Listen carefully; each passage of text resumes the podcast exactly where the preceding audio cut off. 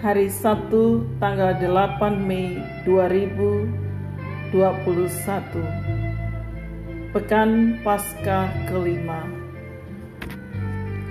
Utuslah rohmu maka semuanya akan dijadikan lagi dan engkau akan membaharui muka bumi. Marilah berdoa.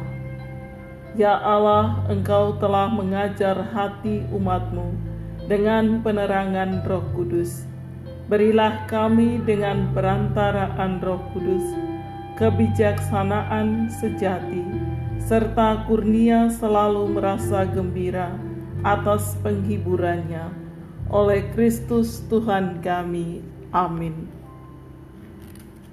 Inilah Injil Yesus Kristus menurut Yohanes.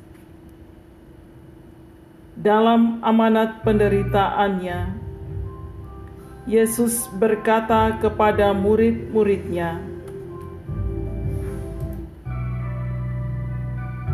"Jikalau dunia membenci kamu, ingatlah bahwa ia telah lebih dahulu membenci Aku.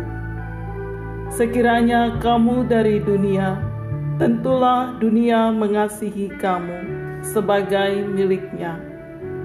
Tetapi karena kamu bukan dari dunia, sebab aku telah memilih kamu dari dunia, maka dunia membenci kamu.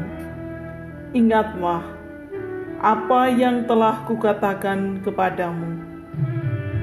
Seorang hamba tidaklah lebih tinggi daripada tuannya jikalau mereka telah menganiaya aku, mereka juga akan menganiaya kamu. Jikalau mereka telah menuruti firmanku, mereka juga akan menuruti perkataanmu. Tetapi semuanya itu akan mereka lakukan terhadap kamu karena namaku, sebab mereka tidak mengenal Dia yang telah mengutus aku. Demikianlah Injil Tuhan. Terpujilah Kristus.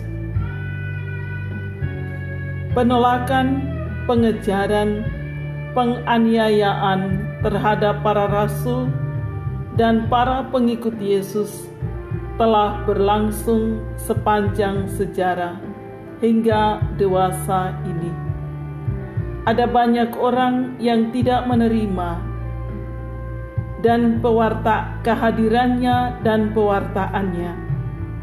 Mereka membenci Yesus dan ajarannya. Tetapi Yesus sendiri telah memastikan bahwa apa yang dialaminya itu semuanya telah terjadi atas dirinya. Karena itu para pengikutnya tidak perlu takut dan gentar.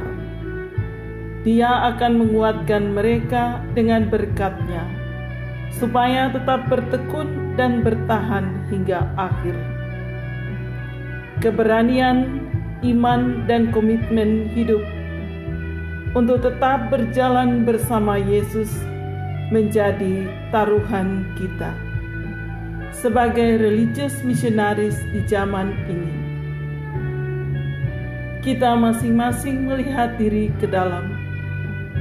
Bagaimana sikap dan cara saya ketika kebenaran yang saya bawa tidak diterima, baik di dalam komunitas, di dalam karya, maupun dalam hidup bersama di masyarakat. Ketika orang-orang Kristiani dianiaya, bagaimana perasaan bagaimana sikap saya. Yesus sekali lagi menunjukkan kepada kita, semua itu telah dialami olehnya. Karena itu, undangannya ialah demi sabda dan kebenarannya, kita dengan rendah hati merengkuh salib hidup kita masing-masing. Semoga Allah Tritunggal semakin dikenal, dicintai, dan dimuliakan dalam hati setiap orang.